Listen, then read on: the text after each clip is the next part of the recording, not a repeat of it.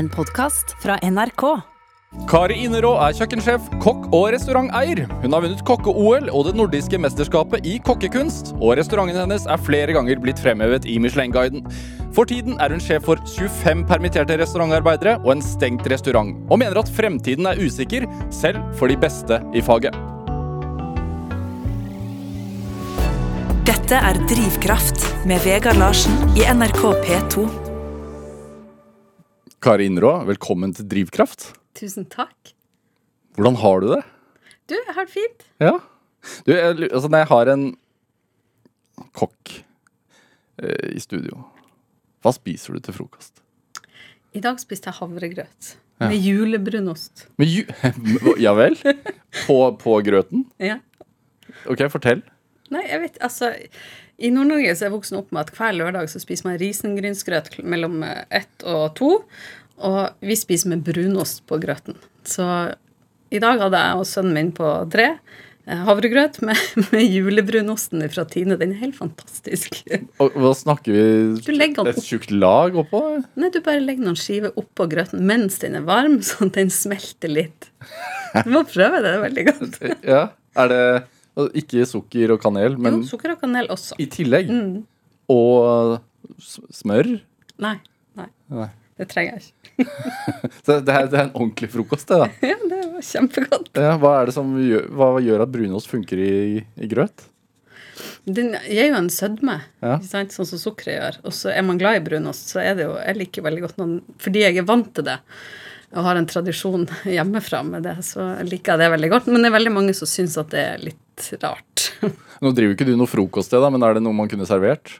Maemo, en annen restaurant, hadde jo lenge sånn grøt på menyen. Ja, vi kan jo tipse dem om det. Jeg kan ringe Espen. det er konsepter i København, tror jeg, som har eh, grøt på menyen, Ja. mener jeg. Kanskje det hadde vært noe. Men er du et, eh, et frokostmenneske? Jeg har liksom inntrykk av at mange kokker er dårlige til frokost. For seg sjæl.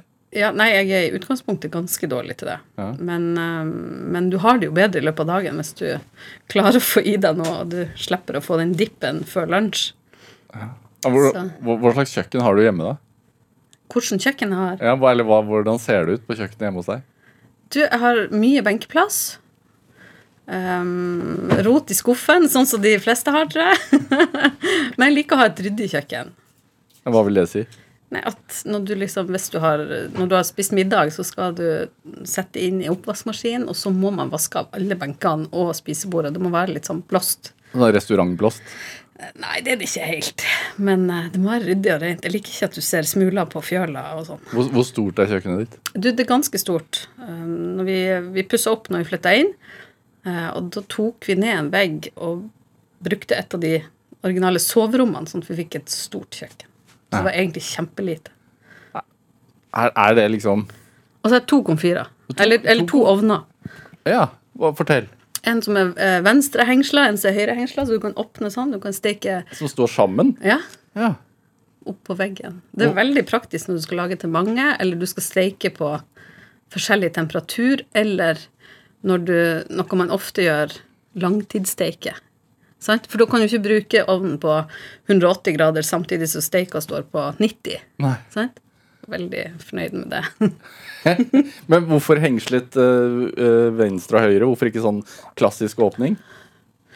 Nei, jeg syns det var mest praktisk, egentlig. Når du skal inn og ut med brettene av ovnen. Ja. Ja. Så er det, er det en arbeidsplass, eh, kjøkkenet hjemme hos deg, eller er det liksom et sånn hjerte i hjemmet? Nei, det er jo helt klart et hjerte. Men siden jeg vanligvis jobber såpass mye, så jeg, lager jeg jo ikke så mye mat på det kjøkkenet hjemme. Det, dessverre. Men nå, altså i Når vi var stengt sist, i mars-april, da lagde jeg masse mat. For da var vi jo permittert hele gjengen, og eh, det var veldig hyggelig å bake og, og lage middag. Du setter den på tidlig, sant? Ja. Du har tid til å lage de der gode grytene som kan stå lenge. Hva lager du da? Nei, det Du kan lage langtidsstekte eh, ribbe, eller en kalvesteik, eller eh, en gryte. Jeg er veldig glad i gryte. Gode oksegryte er godt. Er, er det blitt en sånn Altså, det er ikke noe hemmelighet nå at, at eh, koronaen har gjort at restaurantbransjen sliter litt. Men har det, har det vært en eh, nesten sånn helende for deg å lage mer mat hjemme underveis? For å få ut liksom Altså Det som har vært best med å være mer hjemme, det er jo det at du kan um, Du kan Du får litt mer ro, og vanligvis Altså, sant, når du har små barn og jobber, og det er jo for alle som jobber, men for meg som jobber, jeg har en, en jobb som er åpent og mest aktiv på kveldstid. Så de dagene jeg henter i barnehagen og skal rekke butikken og lage middag, og ungene er så sultne at de bare hyler i baksetet, da Det er jo ikke noe gøy. Så når du har tid, Ja. så er det jo helt nydelig. Sånn så på, her om dagen så begynte jeg med middagen tidlig. Jeg lagde noe helt sånn vanlig middag, men jeg lag, tok meg tid til å skrelle mandelpotet og lage en hjemmelaga potetpuré. Det er ikke så ofte jeg gjør ellers, da. Hva er en vanlig middag hos Kari Innerå? Det, det er som de fleste, vil jeg tro. Vi har, eh, vi har um, I går hadde vi pølse og potetpuré. Ja, det, er, Så, det er litt deilig å og høre. skinkesteik på søndag hadde vi. Fiskeboller i hvit saus, Ja, ja. Men som er fra boks? Ja.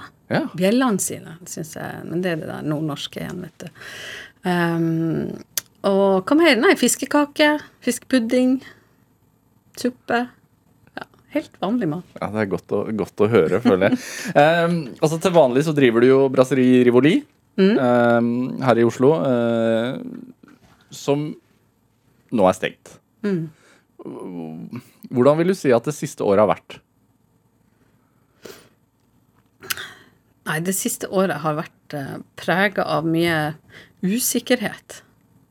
Og mye bekymring. Det er ganske, ganske nyåpna restaurant. Den åpnet i, i, i mai i 2019. Ja. ja, vi åpna i mai 2019. Vi hadde vært i drift uh, åtte måneder når vi ble stengt i mars. Um, og det kunne jo vært helt krise for oss. Men heldigvis hadde vi gjort et uh, godt åpningshalvår uh, og kom oss gjennom den perioden. Og var utrolig glad når vi kunne åpne igjen i mai. Og det var, helt, det var helt spesiell stemning. Eh, Jeg husker jeg sto på jobb 14. mai. Det var ikke mange gjester bestilt, og vi hadde kjørt halv bemanning og eh, nye rutiner med smittevern og, og litt sånn spent. Og du hadde ikke jobba på flere måneder, så det var jo litt rart bare det å gå på jobb igjen. Um, og da, da husker jeg gjestene Det var helt sånn elektrisk stemning. Gjestene drakk med begge hendene og spiste og kosa seg, og bordene snakka med hverandre om i restauranten. Nei, det var helt, det var nydelig. Og så kom jo sommeren som, som ble en fin sommer. Så det var, det var godt å være i gang igjen. Men jeg har jo sagt hele veien at vi vet ikke vi vet ikke hvordan det her kommer til å gå. Og jeg var tidlig ute med å si at jeg er bekymra for høsten. Og du ser jo hvor vi er hen nå. Så um, det har vært et jæklig tungt år, for å være helt ærlig. Det har det. For hele bransjen. For alle. Prater dere som driver i næringa sammen om dette? her? Ja, det gjør vi. Vi har gått, spesielt nå gått sammen eh, mange restauranter og samarbeider for å uh, få til bedre ordninger for vår bransje. For vi føler vel at vi uh, Vi tar det ganske hardt med denne situasjonen som er nå. Det er Altså, vi har ikke Vi har blitt stengt ned. For I mars ble vi stengt ned av eh, regjeringa. Og denne gangen her så var det Oslo kommune som stengte oss ned. Og, men samtidig så sier de ikke rett ut dere skal stenge. Det skal ikke være noen som går på restaurant. De sier bare du får ikke servere Du får ikke servere alkohol. Hvor stor del av omsetningen er det? mellom 40 og 50 Og da må du ikke glemme at vi da allerede har drevet i mange måneder med én meter mellom alle bordene og én meter mellom alle gjestene. Så allerede der er jo omsetninga kutta ned til 60 mm. Så totalt sett, med alle de tiltakene, så er det ikke økonomisk forsvarlig å drifte. Da, da handler det om å tape, å tape minst mulig, egentlig. Og når det er da, altså Restauranten er jo Du har jo åpnet restauranter før, eh, men, men dette er første gang du er inne også som eier, sant? Altså, eller sånn Er det ikke det? Nei. Jeg, eh, første restauranten som jeg eide sjøl, det, var- det var den første jeg starta. Ja. Og det var på Kru i Industrigata her eh, rett der borte. Men da starta jeg med eh, 5 eierskap. Men jeg, jeg jobba jo og drev jo som at jeg eide det alene. så det var min, var min vei inn på, på eiersida. Og så kjøpte jeg meg opp litt og litt. Mm. Uh, og da og så solgte jeg den restauranten og starta en ny på Frogner som heter BA53 i Bygdøy allé. Og det var den første restauranten der jeg liksom kunne eie helt sjøl. Eh, gå i banken. Jeg ringte banken hjemme i Harstad. 'Hei, kan jeg få lån? Jeg har lyst til å starte restaurant.' Hvorfor ringte du hjem til Harstad, ikke her? Er det enklere, er det enklere å få lån hjemme? Jeg vet ikke. Ja. Jeg gjorde, men jeg fikk nå lån, i hvert fall. Så det var den første restauranten jeg eide 100 da. Ja. Mm. Men hvordan er det nå da? Altså sånn, hvor, lenge, hvor, lenge, kan det være stengt før det blir kroken på døra? Tror, tenker du? Nei, det, det, tenker jeg ikke på. Jeg tenker Vi må være positive og finne løsninger underveis. Ja. Um, vi skal klare oss gjennom dette. Det skal vi. Det er jo selvfølgelig, som alle andre, så er jo det et stort tap. Selvfølgelig er det det. det den støtteordninga som, som vi har fått, den kompensasjonen, den dekker en dråpe i havet på langt nær nok. Så selvfølgelig hjelper den jo til, men, men bedriftene alene tar et stort tap. Men sover du godt om natten? Nei. Hvorfor ikke? Fordi jeg har, kjennes ut som jeg har en hjerne som går i høygir. Uh, og det kommer sånn snikende, og det er mye bekymringer, og du tenker, og du føler veldig med Jeg tenker jo ikke bare på meg sjøl, jeg tenker på, på bransjen generelt sett. Uh, og det, det, verste som kan skje, det er jo hvis Oslo mister mangfoldet på restauranter. For det er så mange flinke kokker, restauratører, servitører, vinkelnere eh, som, som, har en lidenskap og har en, en drivkraft. Eh, og gjør en kjempebra jobb. Og man gjør jo det fordi man ønsker å samle folk, og fordi man elsker faget sitt og har lyst til å altså, Eh, vi vil jo jobbe kveld og helg. Eh, og det gjør vi jo fordi vi har lyst. Så det Og det er små marginer. Så jeg tror for mange er dette Vi trenger å Vi, trenger å, vi må hjelpe bransjen. Mm. Og nå er det spesielt viktig at vi handler lokalt, og kanskje støtter opp restaurantene rundt om med de som har tilbud med takeaway og sånn. Takeaway, og man kan kjøpe gavekort. Og, og vi planlegger å ha en, en, en sånn deli-utsalg med, med, de gode råvarene, som, som er òg det vi holder på med. Det er jo de gode råvarene gjennom sesongene. Ja. Så at vi har lyst til å vise det. Hvordan er det å permittere folk? Ja, det er jo den andre uh, før, før, vi fikk beskjeden om at skjenkebevilgninga skulle uh, At vi ble tatt fra den, så Eh, var det noen uker der jeg gikk med en sånn klump i magen og tenkte nei, vi må unngå å permittere. Vi har ansatte fra mange forskjellige nasjoner. Mm. Uh, og det er ikke alle som, som, har krav på dagpenger, og vi hadde lyst til å unngå det i det lengste. Uh, og det kommuniserte vi jo til, til, de ansatte, og prøvde så langt det lot seg gjøre, å være kreativ. Um, men Når det er en liten restaurant, sånn, blir man en familie? Ja, det er jo min andre familie. Det sier jeg til dem titt og ofte. Um, og det er jo ikke jeg som er Rivoli, det er jo vi som er Rivoli. Det er jo de ansatte. Altså, Jeg er jo ingenting alene. Hvorfor får man så sterke bånd, da?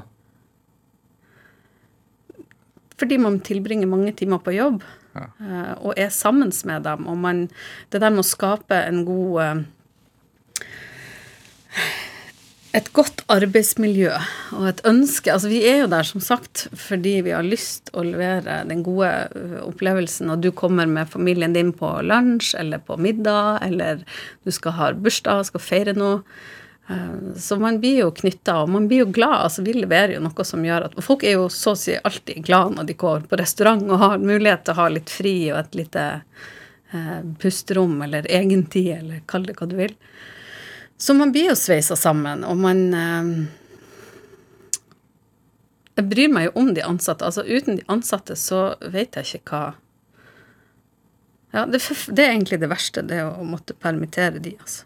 Hva, hva, tror du Altså, dere som lever av dette her, eh, får jo svi eh, og, sliter jo i denne perioden. Men, men, vi som er glad i å gå på restaurant, vi mister jo også noe. Hva, hva tenker du at gjestene mister? Nei, For det første så blir det jo mye mer eh, matlaging hjemme, og det kan jo være Nei da. Nei, man mister jo Altså, mat er jo kultur. Og, og vi Jeg tror alle som bor i Oslo, spesielt i Oslo, eh, er jo veldig vant. Vi har endra spisevanene og det og vanene for å gå ut eh, masse bare de siste fem årene, ti årene. Og det er masse plasser å gå, og man går kanskje ut oftere enn det man gjorde for fem år siden, eller ti år siden. Det gjelder sikkert de fleste norske storbyene. Ja, det tror jeg. Um, så man mister jo Og det der med å møtes Man har jo det Man går jo ut, man planlegger jo for å møtes, for å ha ei koselig stund i lag. Så det, det, er jo ikke bare restaurantene det er vondt for. Og, vi får, og det må jeg også si at når du sitter med Du har permittert alle, du sitter hjemme i, i de egen stua og sitter med mailen fra gjestene som Altså den støtta du får fra alle stamgjestene og, og firmagjestene, og de heier på oss og sier 'vi er der den dagen dere åpner igjen', da kommer vi. Ja. Og det er så fantastisk fint. Så vi lever jo for gjestene våre. Det er jo det vi gjør. Dette er Drivkraft med Vegard Larsen i NRK P2.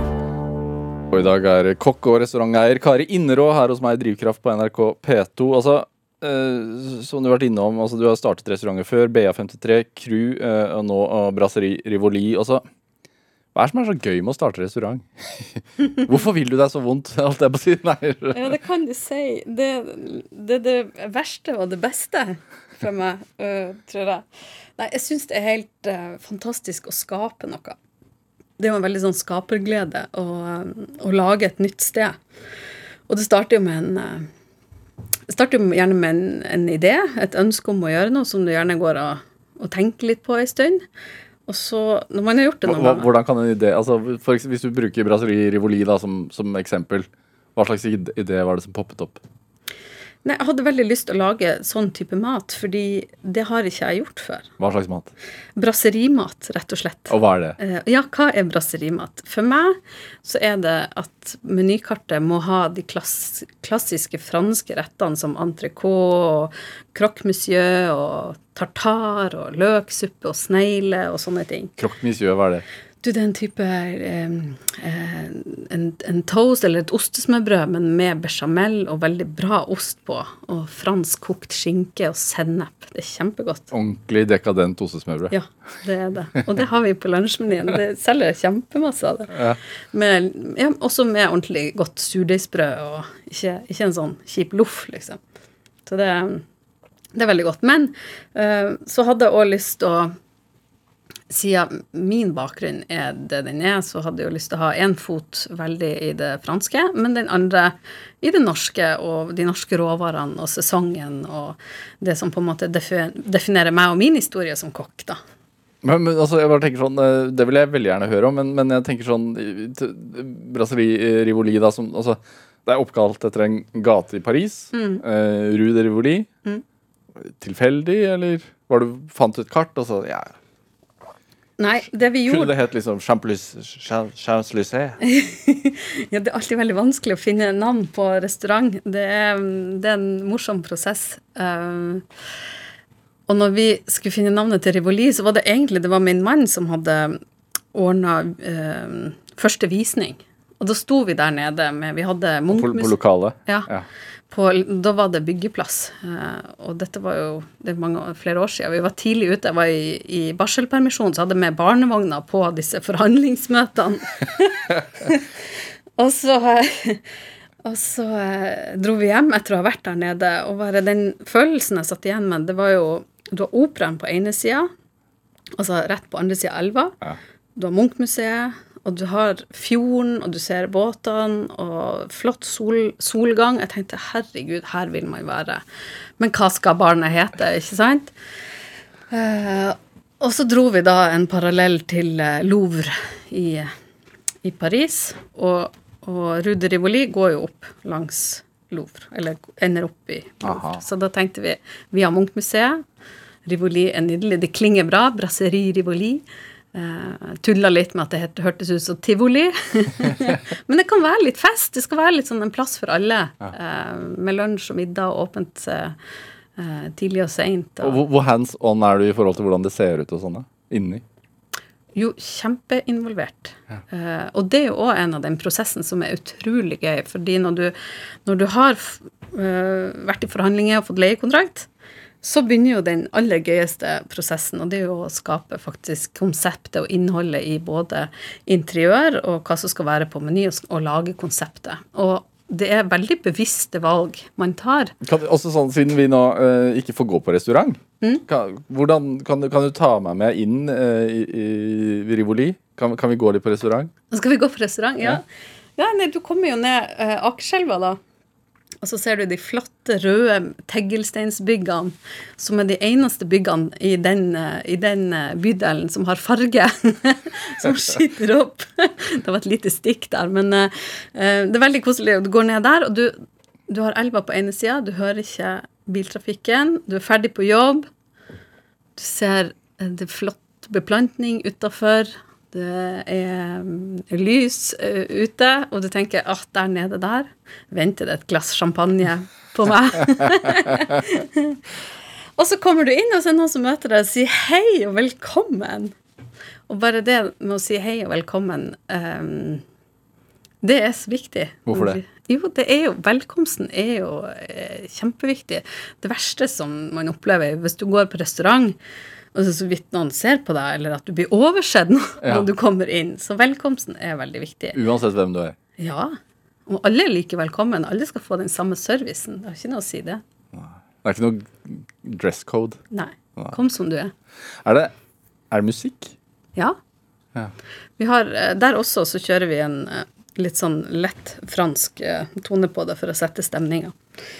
Men prosessen med interiørarkitektene og eh, lyd og lys og gulvplan og skiltplan og eh, det er, Du lærer utrolig mye. Det er jo et fag som jeg ikke kan, men som jeg nå, etter å ha bygd noen restauranter, har lært mer om. Og det syns jeg er ufattelig gøy. Og en annen ting når restauranten er ferdig, og man åpner og kommer i drift, så er det jo, det er jo da du får se om, om du har gjort godt nok arbeid. ikke sant? For det, det vi egentlig jobber med veldig mye, det er jo logistikk.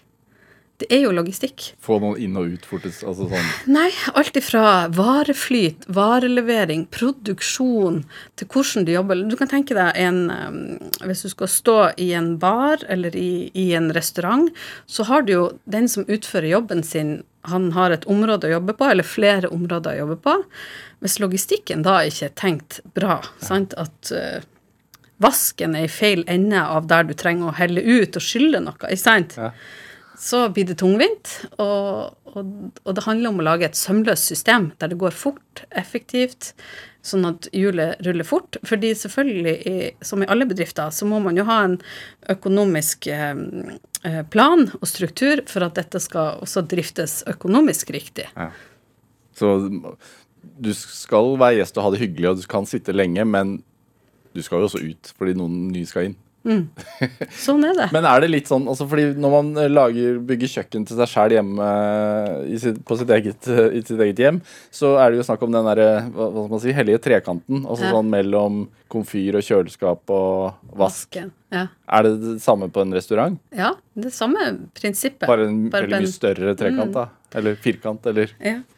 oktav, eller hva, hva Oktagon? Jo, det, det blir jo det samme for sånn som på når man bygger kjøkken, da. Ja. Og det er jo noe som, eh, som jeg merker etter å ha jobba på veldig mange forskjellige kjøkken sjøl, eh, det er jo at hvor mange steg tar du? Sant? Hvis du må gå fem steg for å hente én ting, så bruker det jo lengre tid enn om du bare må gå ett og et halvt eller bare ett steg. Så kokker liker gjerne å jobbe som en liten blekksprut, der du har salamanderen, den grillen, har du gjerne over hodet ditt, sånn at du kan legge noe opp. Og så har du gjerne noe under benken, sånn at du slipper Sant? Du Færrest mulig steg. Færrest mulige steg. Og du har alt du trenger liksom en armlengdes fra deg. Da er du effektiv, og da klarer du å levere maten, for alt det koker ned til. Det er jo hvor lang tid tar det fra du kommer inn, du har drukket champagnen din, du har bestilt din croque monsieur. Når står den på bordet du, hvis du er på businesslunsj, da, så er det veldig viktig. Hvor, hva er liksom Hos oss Ja, hva Nei, altså hos deg, altså hva tenker du er grei tid?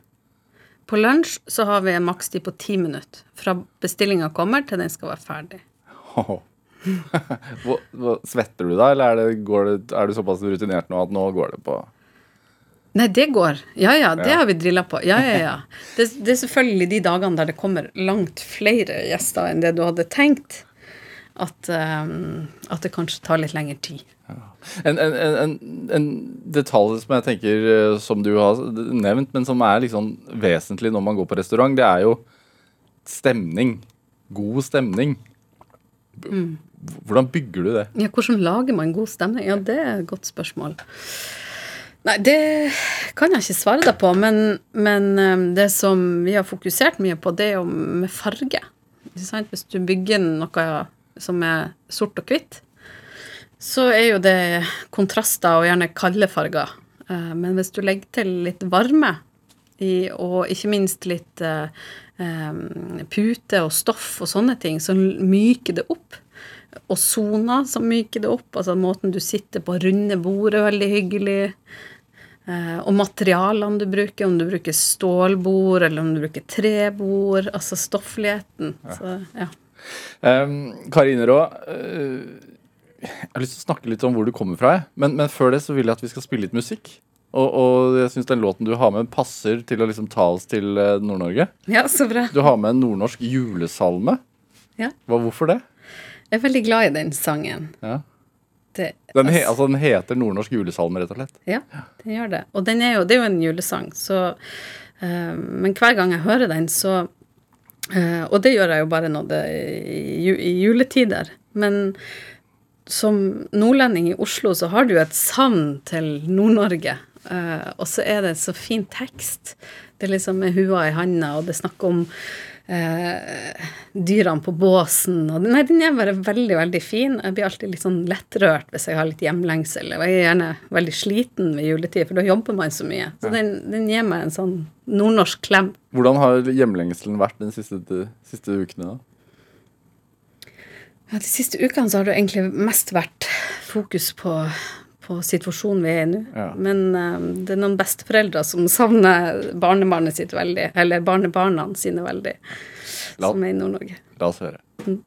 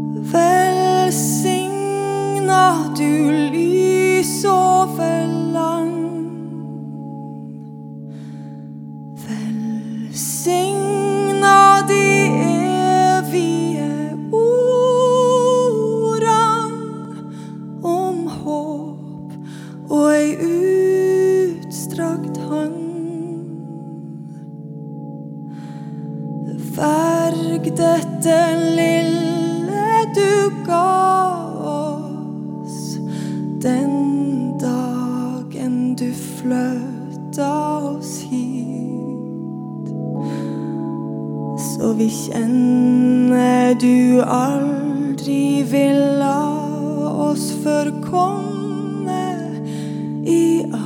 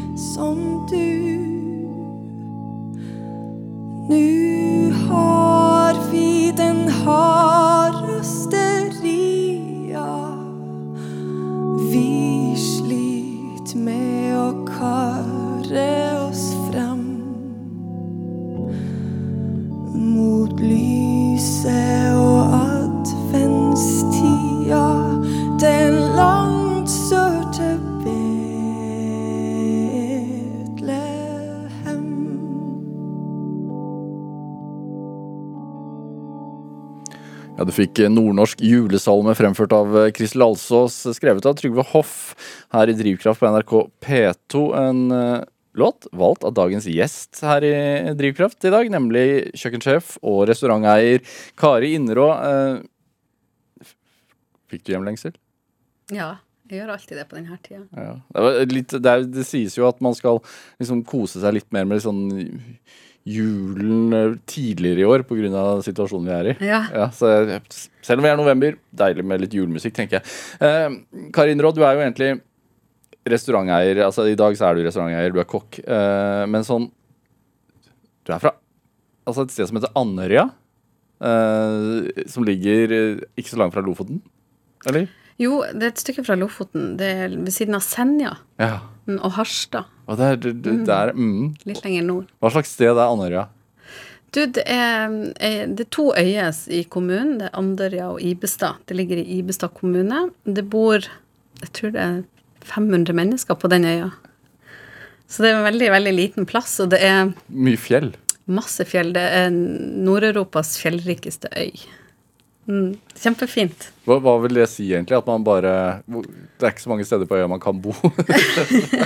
Nei, men du har jo, altså, og Dette er jo det som jeg bruker å si til mannen min, men når det gjelder utsikt Altså, når du er voksen opp Hvor er han fra? Siden uh... Nei, han er fra Vestby. så, så jeg mener jo det at det er utsikter i Nord-Norge der du har uh, havet og naboøyen, eller ja uh, ene sida, og så snur du deg på andre sida, så er det bare fjell, kjempehøye fjell. Det, det er det som er utsikt. Men hva, hva slags eh, Altså, vokste opp i et hus, eller? ja. Ja. Foreldrene mine har, eh, har drevet med sau. Nå har broren min tatt over gården. På, på en gård, ja, rett og slett. Ja. Så jeg vokste opp på gård.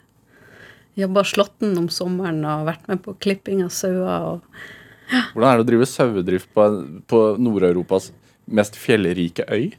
Jo, du lager jo eh, det beste lammekjøttet. Det aller beste. Du kan tenke deg, de, de blir født på våren, og så, og så blir de sluppet ut. Og så sender man dem ut i utmarka, og så går de ute hele sommeren i, opp, opp under tinnene.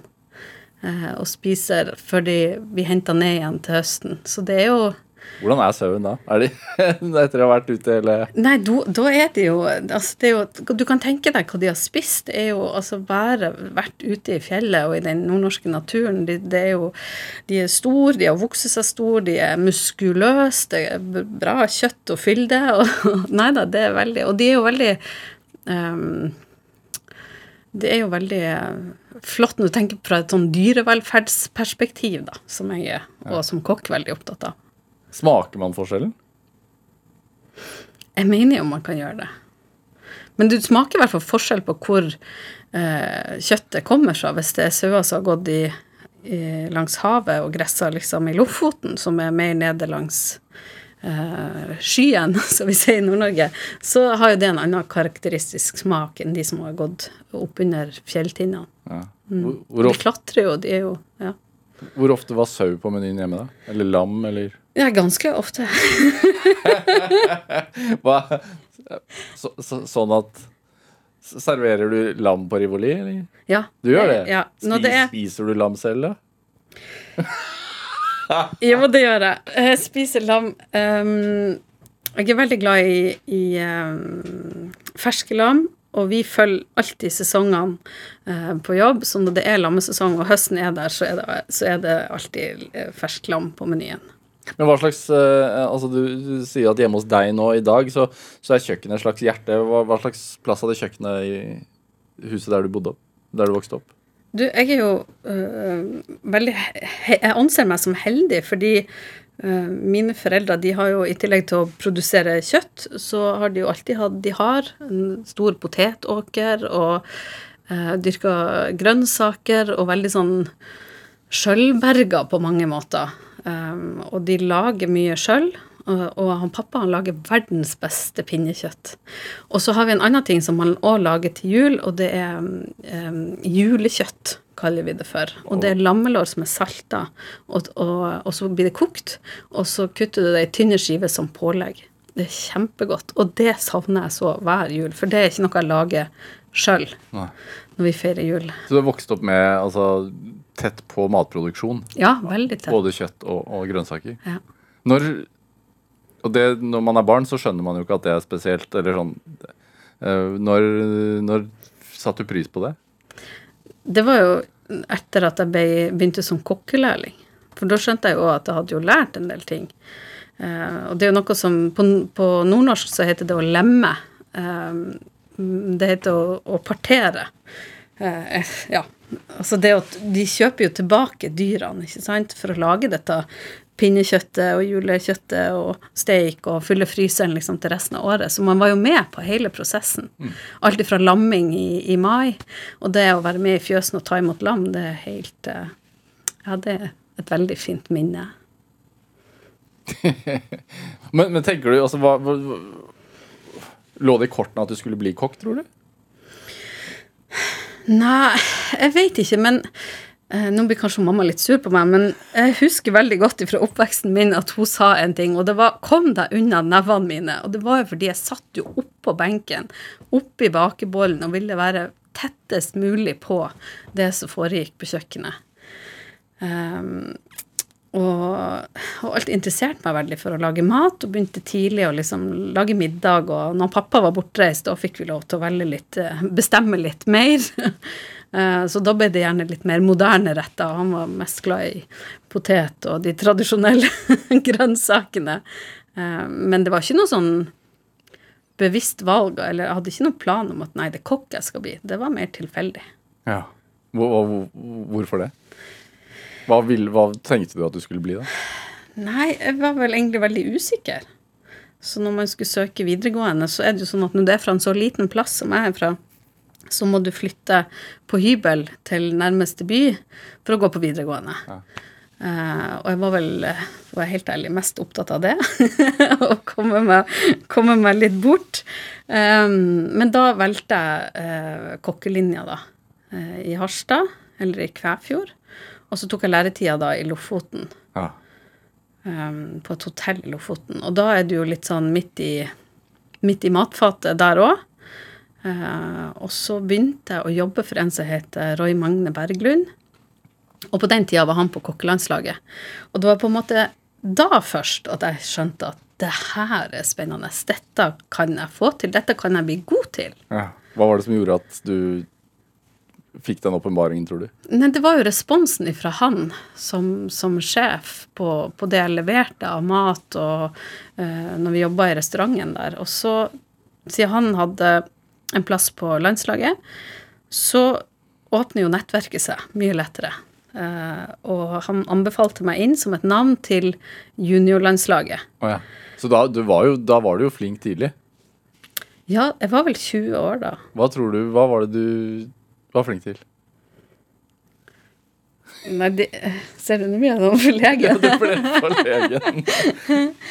Nei, altså, jeg husker da meldte meg på eh, Det heter Du verden, den restauranten eh, i Lofoten. Og han, meld, han meldte meg på en konkurranse som heter Artist kokk. Og den var i Bodø. Og jeg visste ikke at han hadde meldt meg på. men jeg, OK, greit, jeg tok utfordringa. Og jeg skulle konkurrere mot kjøkkensjefer og flinke kokker i, i Bodø på en sånn eh, messe. Reiste dit. Hadde gjort det beste jeg kunne med å forberede og øve og trene og sånne ting. Hva skulle du lage? Jeg vet ikke jeg husker ikke det så lenge siden. Men jeg husker Jeg vant. Du vant. Ja. Og da jeg, jeg hadde akkurat tatt fagbrevet. Og jeg kunne ikke tro at, at det gikk an. Og kjenner ennå nå blir jeg helt sånn Hæ? og det var da jeg fikk blod på tann og hadde kjempelyst å bare lære mer og konkurrere mer. Og ble med på kokkelandslaget. Ungdomslandslaget. Mm. Ja, han var etter hvert både olympisk og nordisk mester på, med kokkelandslaget. da. Er det, hvordan hva skjer på sånne konkurranser, egentlig? Er det sånn som når man ser kokkekonkurranser på TV, eller? Du, det er, det er litt forskjellig. Hvis du konkurrerer som et lag i, i OL, så når Det har forandra seg òg med årene, men når, når jeg konkurrerte, så var det delt i, i tre forskjellige oppgaver. Og den ene oppgaven var det som heter en stafett. Og det jo, høres jo litt morsomt ut med stafett på matlaging. Men vi var fire kokker, eh, og du skulle lage fire retter, og da er det 30 minutter hver. Og ingen av oss fire kokkene visste hvilken rett vi skulle lage. Så når vi øvde på stafett, så øvde vi jo på forretten, på fiskeretten, på kjøttretten og på desserten. Og alle måtte beherske alle like bra.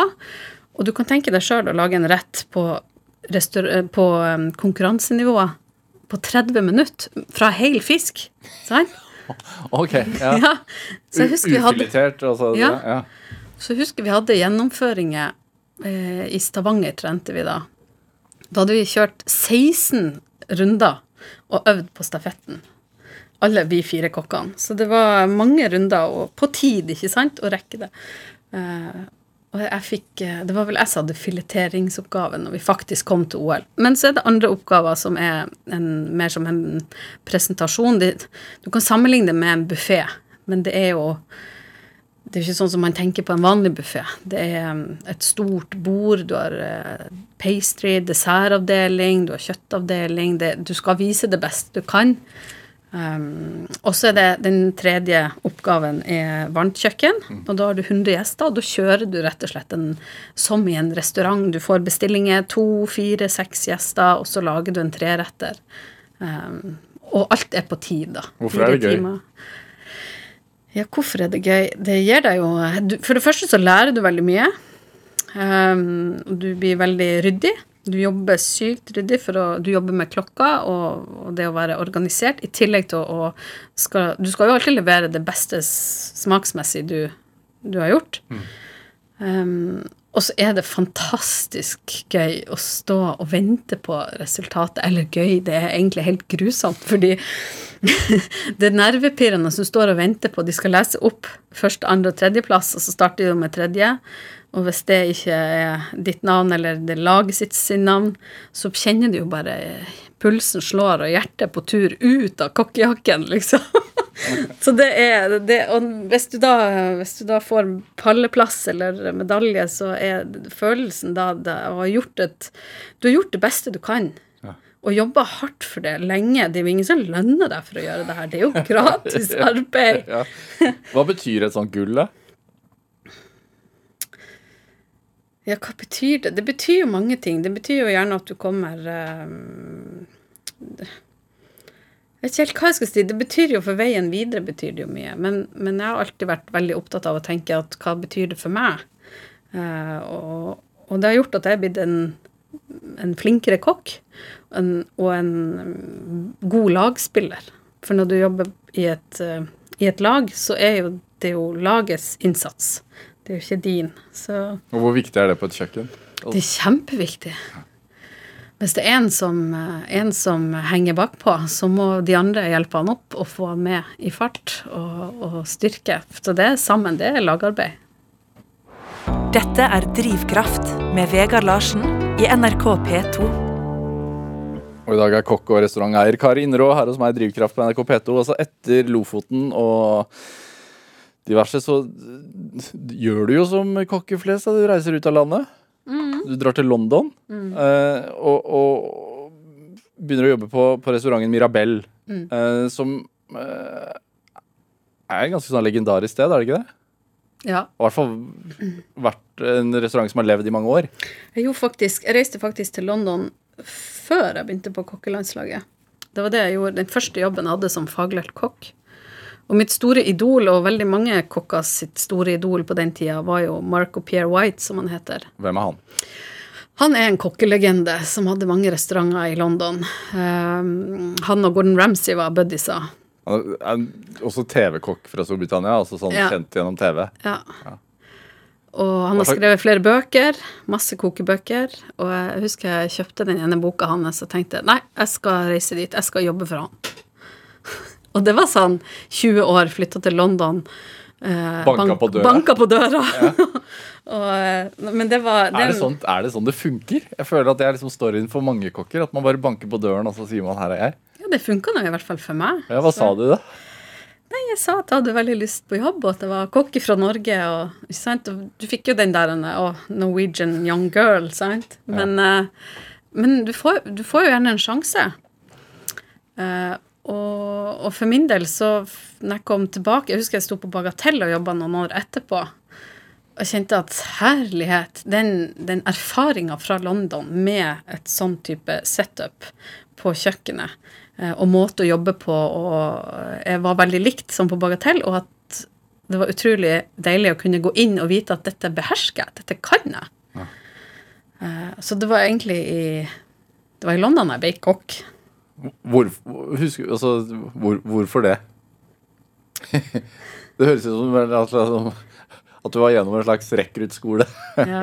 i militæret. Typ. Nei, men jeg st- starta jo nederst på rangstigen med å plukke urter bakerst, inn, innerst, eh, nederst på rangstigen. Det var der The Norwegian Girl ble plassert? Ja, jeg gjorde det. Og så eh, må man jo Man kan jo stige i gradene ganske fort hvis man er flink og kjapp og effektiv og leverer.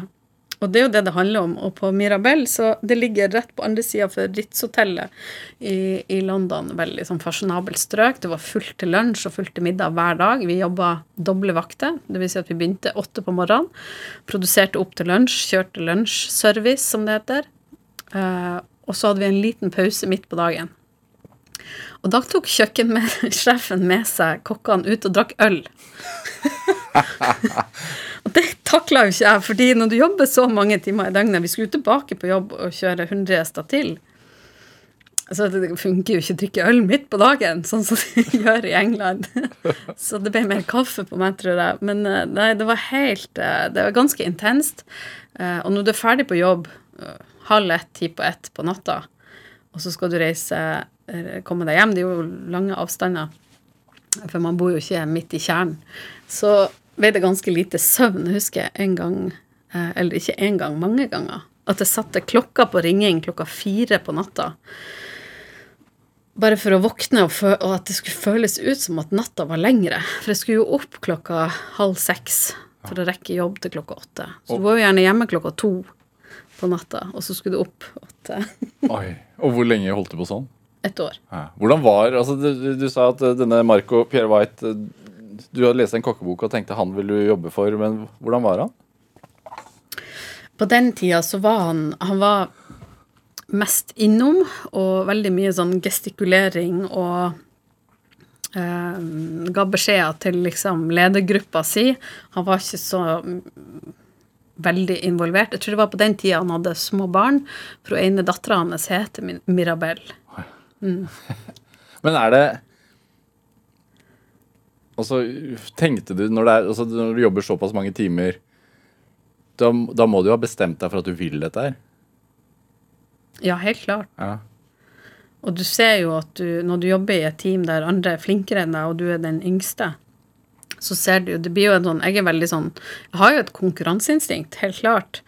Så det å være Å ha lyst til å komme videre og ha lyst til å klare å mestre å kjøre en stasjon, som det heter, en fiskestasjon eller en kjøttstasjon, å klare det på tid og, og, og, og gjøre det, det var jo noe av det kjempelyst til. Å bli flink. Så flink Altså, man har jo lyst til å mange kokker sier 'nei, dessert, det kan ikke jeg'. Ja. Men jeg hadde veldig lyst til å kunne alle tingene på et kjøkken. Og beherske alt og kjenne en trygghet.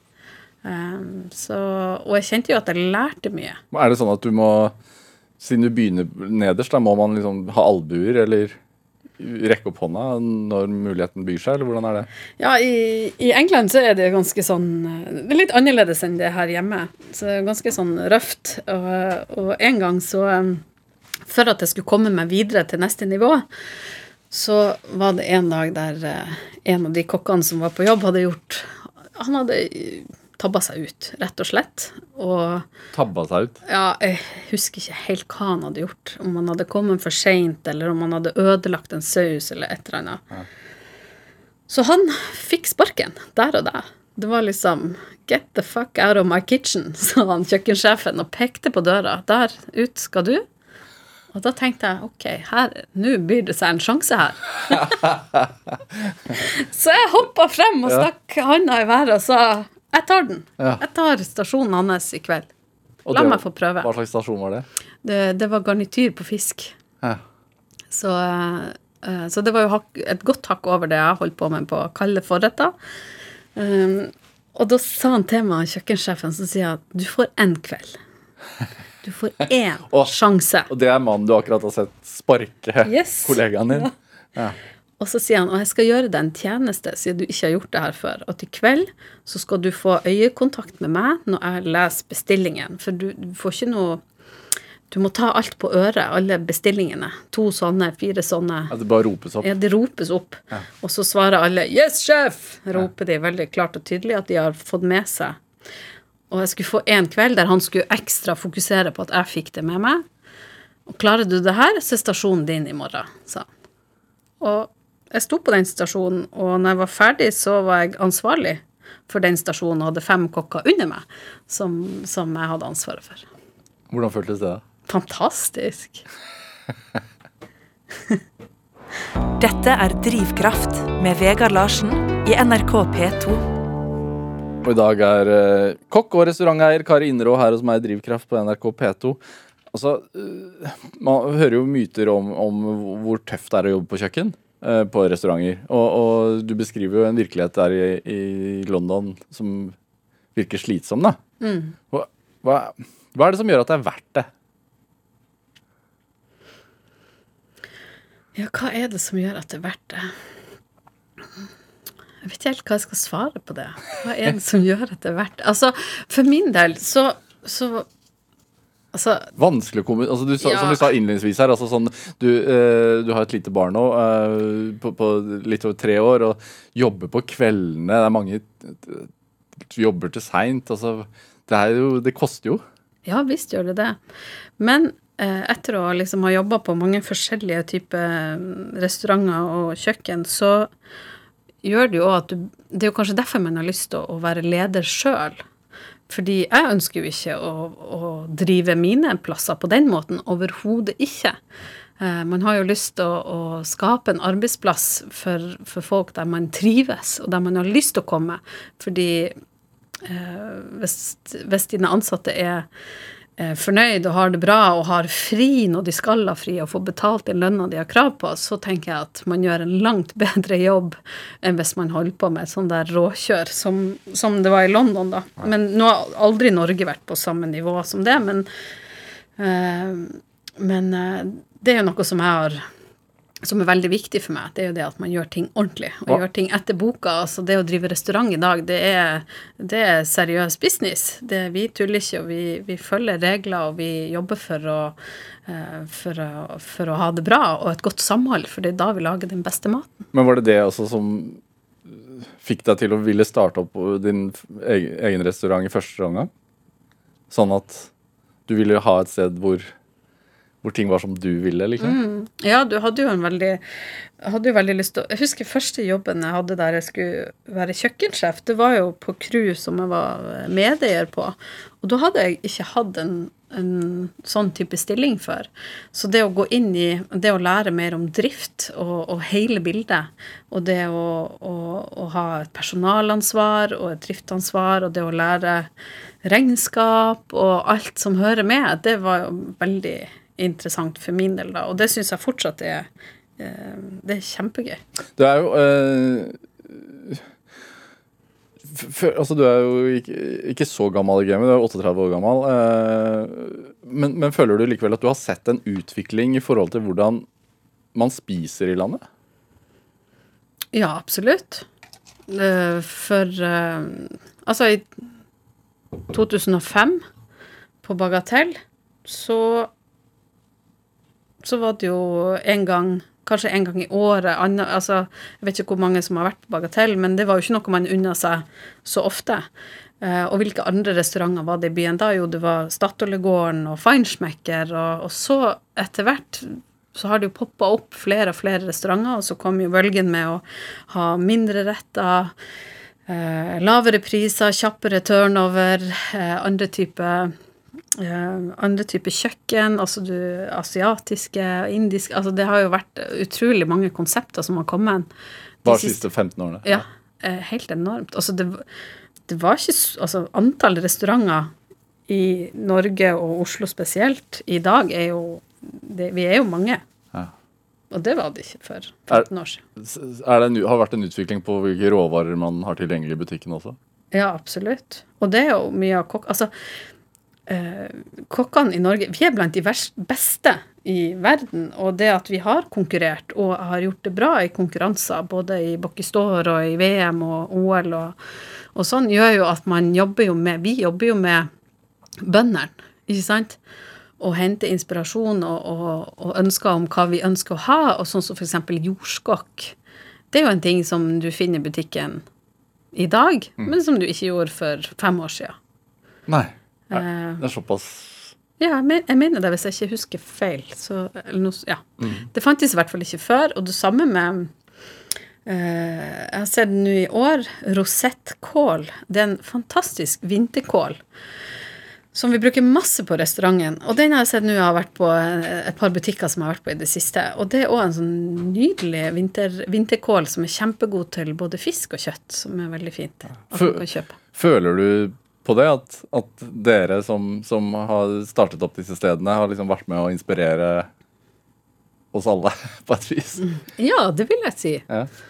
Man er jo med å sette en trend, og, og gjerne på landslagsnivå så er det jo gjerne de som kanskje kommer med ting først, eller de som konkurrerer, og så blir det, går det jo i Det går jo i bølger hva folk gjør og lager, og så sprer det seg jo nedover blant kokkene som tar det med seg på restaurantkjøkkenene sine der de jobber, og så Kari Inderå, en time går fort. Jeg håper denne koronapausen ikke varer så lenge. Så man kan gå og spise litt fransk eh, mat igjen. Ja, det gjør jeg òg. Tusen takk for at du kom hit til Drivkraft. Takk. Hør flere samtaler i Drivkraft på NRK på nett, eller last oss ned som podkast. Eh, send oss også gjerne en e-post med ris og ros og tips til mennesker du mener har drivkraft. Send den e-posten til drivkraft, krøllalfa, nrk.no. Produsent i dag var Kjartan Aarsand. Pål Arvid Jørgensen bidro også sterkt til denne sendingen. Jeg heter Vegard Larsen, og vi høres. Du har hørt en podkast fra NRK. Hør flere podkaster og din NRK-kanal i appen NRK Radio.